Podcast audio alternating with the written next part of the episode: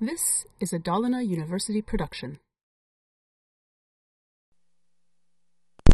Hej och välkommen till föreläsning 1 på delmoment 4. Den här föreläsningen heter PLSQL 1 och det kommer då att vara en introduktion till PLSQL-programmering. Eh, vi kan börja och ställa oss frågan vad är PLSQL för någonting? Eh, PLSQL är Oracles Procedure Language Extension to SQL.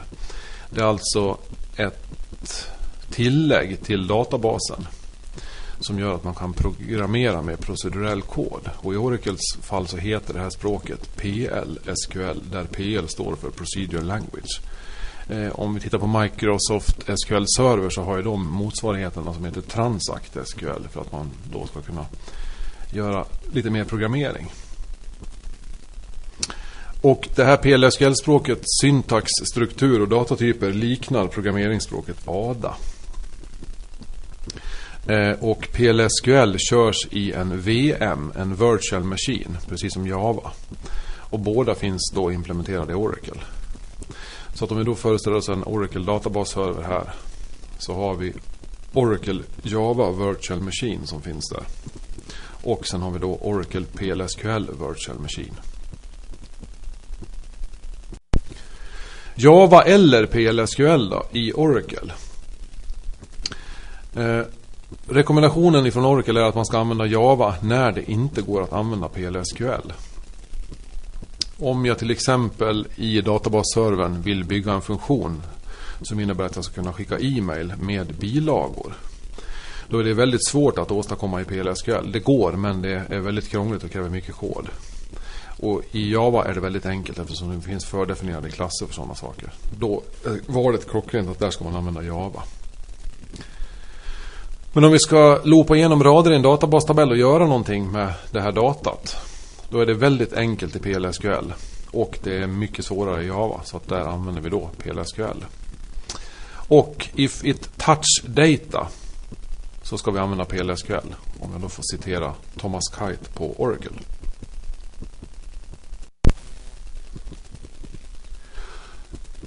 PLSQL är inte case sensitive. Och case sensitive innebär att vi skulle kunna blanda små och stora bokstäver som vi vill. Jag tycker då att man ska använda sig av uh, eh, att man väljer någon typ av konvention och så håller man sig till den så att det blir enhetligt. Själv använder jag alltid små bokstäver för jag tycker det har högre läsbarhet. Ett PLSQL-block då, det börjar då med om man vill deklarera variabler. Det reserverade ordet declare. Och sen sätter man då variabeldeklarationer där då. Varje sats avslutas med ett semikolon. Sen får vi då en del som heter begin som talar om att programmet börjar. Och då är det då efter begin som man skriver vad programmet ska göra för någonting. Och sen avslutas programmet med ett end, semikolon och ett slash forward.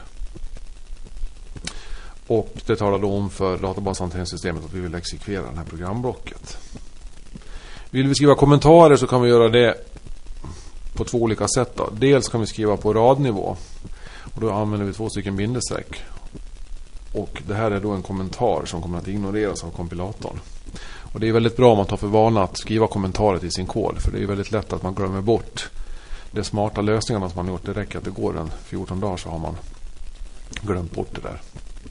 Vill du skriva lite längre, mer omfattande kommentarer på flera rader så kan man använda slash forward asterix och sen så använder vi då asterix slash forward igen för att avsluta den där. Så får vi då kommentarer på flera rader. Och det här är det som kallas då för ett anonymt PLSQL-block. Vi har två olika typer av så kallade PLSQL-block, det vill säga block med PLSQL-kod. För det första så har vi något som kallas för anonyma block. Och det är block då som saknar namn, utan vi skriver då bara begin end och så skriver vi någon programsnutt som ska exekvera. Det här lilla mängden kod, alltså PLSQL-kod som ska köras, det har då inget namn utan då kall, därför kallas det för anonymt block. Här har vi ett exempel på ett anonymt block. Begin och sen så har vi en utskriftsfunktion där med dbms underscore output. .putline och så skriver vi ut textsträngen Hello World och så gör vi slut på den där. Så där har vi ett enkelt anonymt block. Och för att exekvera ett sånt här block med kod så i SQL Developer så trycker vi F5 eller klickar på symbolen för Run Script. För det andra här då så har vi något som kallas för namngivna PLSQL-block. Och då har vi då det som kallas för lagrade procedurer, lagrade funktioner, triggrar och paket. Under den här kursen så kommer vi komma i kontakt med procedurer, funktioner och triggrar men vi kommer inte att titta på pakethantering. Och det är då delmoment 5 som kommer att behandla de här namngivna blocken. När vi då håller på och ska testa utskrifter som vi kommer att göra på många labbar så kommer vi att behöva slå på den här utskriftsfunktionen i Oracle. Och hur man gör det i SQL Developer det ser ut så här då. Till exempel om vi nu vill skriva ut till fönstret så använder vi paketet dbms underscore output och så har vi då en metod i det paketet som heter put underscore line. Och då kan vi skicka in en textsträng till den utskriftsfunktionen. Men för att det ska synas i fönstret så måste vi slå på den här utskriftsfunktionen.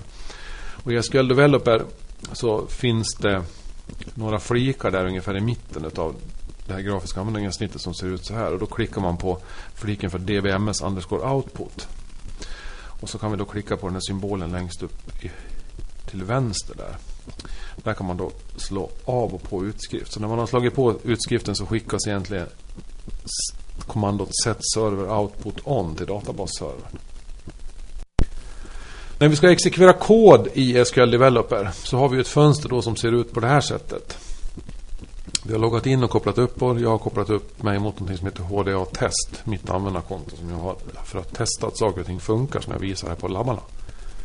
Eller i föreläsningarna. Och för att exekvera PLSQL-kod i SQL Developer så gör vi följande. Här har vi en ivrig PLSQL-programmerare som sitter och jobbar. Så att vi börjar med då att antingen då så skriver man koden rakt i sin editor eller också skriver man den i textdokument och så klistrar man in den i editorn. Och det gör man då i det övre fönstret där. Och sen klickar vi på Run Script eller trycker F5. För att exekvera koden. Och för att se resultatet sen så kan vi då titta i den nedre delen av fönstret där. Då ser vi då utskriften Hello World och så står det anonymt block completed. Det var lite bökigt att säga anonymt på engelska där, kände jag. Tungan höll på att vricka sönder sig. Vi ska titta på lite variabeltyper i PLSQL-språket. Vi får hjälp av vår clown här som dyker upp och ska tala om vilka variabeltyper vi har. För det första har vi något som kallas för skalär. Någonting enstaka värden. Då har vi då nummer, datum, teckensträngar och boolska variabler. Eh, sen har vi någonting som kallas för komposita variabeltyper. Och där har vi då till exempel någonting som kallas för record. Sen har vi PLSQL table och V-array. Och där är då datastrukturer som finns tillgängliga i PLSQL. Sen har vi någonting som kallas för referens. Och det är någonting som är då Oracle har något som heter ref-cursor. Det vill säga pekare till cursorobjekt. Och sen har vi något som heter LOB, Large Object. Och vi skulle kunna skapa så kallade blobbar eller binary large object och ha bilder eller andra saker där i dem. Eller pdf-dokument, word-dokument eller andra grejer. Och variabeltyper som vi kommer att använda på den här kursen då. Vi kommer att använda number, varchar 2, date, boolean och record. Och det här är då skalära datatyper och boolean den innebär att man har då sant eller falskt eller null. Kan den då ha. True, false eller null. Och record är en komposit datatyp. Och vi kommer att stifta bekantskap med de där tidigare. Så att för att klara den här kursen så räcker det att vi bekantar oss med de här fem datatyperna.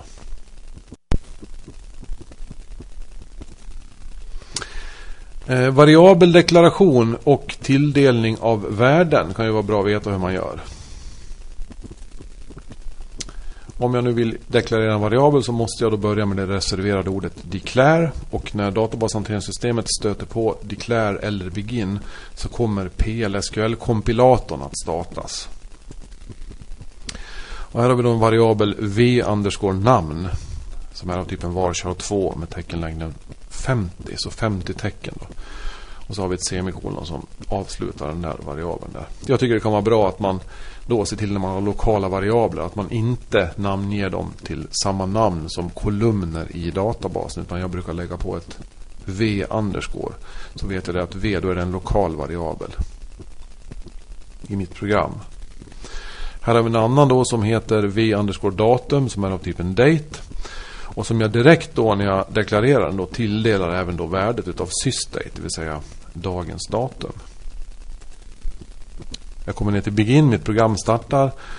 Och det jag gör då är att jag tilldelar min variabel v underscore namn teckensträngen Hans Rosendal.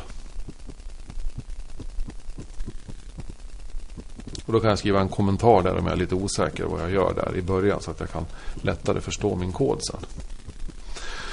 Och sen här då kan jag då skriva ut en liten trevlig utskrift här. Att vinnare är och så konkatenerar jag på då den andra teckensträngen. Det vill säga det som finns i v underscore namn. Då får jag då vinnare är Hans Rosendahl. Så är det slut på programmet där. Vad som kan vara bra att komma ihåg som man brukar göra lite grann fel på i början då. Det är att man då kommer ihåg att kolon likhetstecken det är då en tilldelningsoperator i PLSQL. Och ett vanligt likhetstecken det är en operator då för att utvärdera likhet. Så att jag skulle då kunna skriva if A är lika med B, then. Och då får jag då att det här blir då true eller false. Om man då hållit på med Java så blir det då if A är lika med, lika med B. Det vill säga två likhetstecken. Men här i PLSQL då så har vi tilldelningsoperatorn kolon likhetstecken. Och för att utvärdera likhet så har vi då likhetstecknet. Och det här var då slut på föreläsning 1. Den här lilla introduktionen till PLSQL. Då, så att vi ses på föreläsning 2 här på delmoment 4 då. Och jag och Bror Duktig säger då på återseende.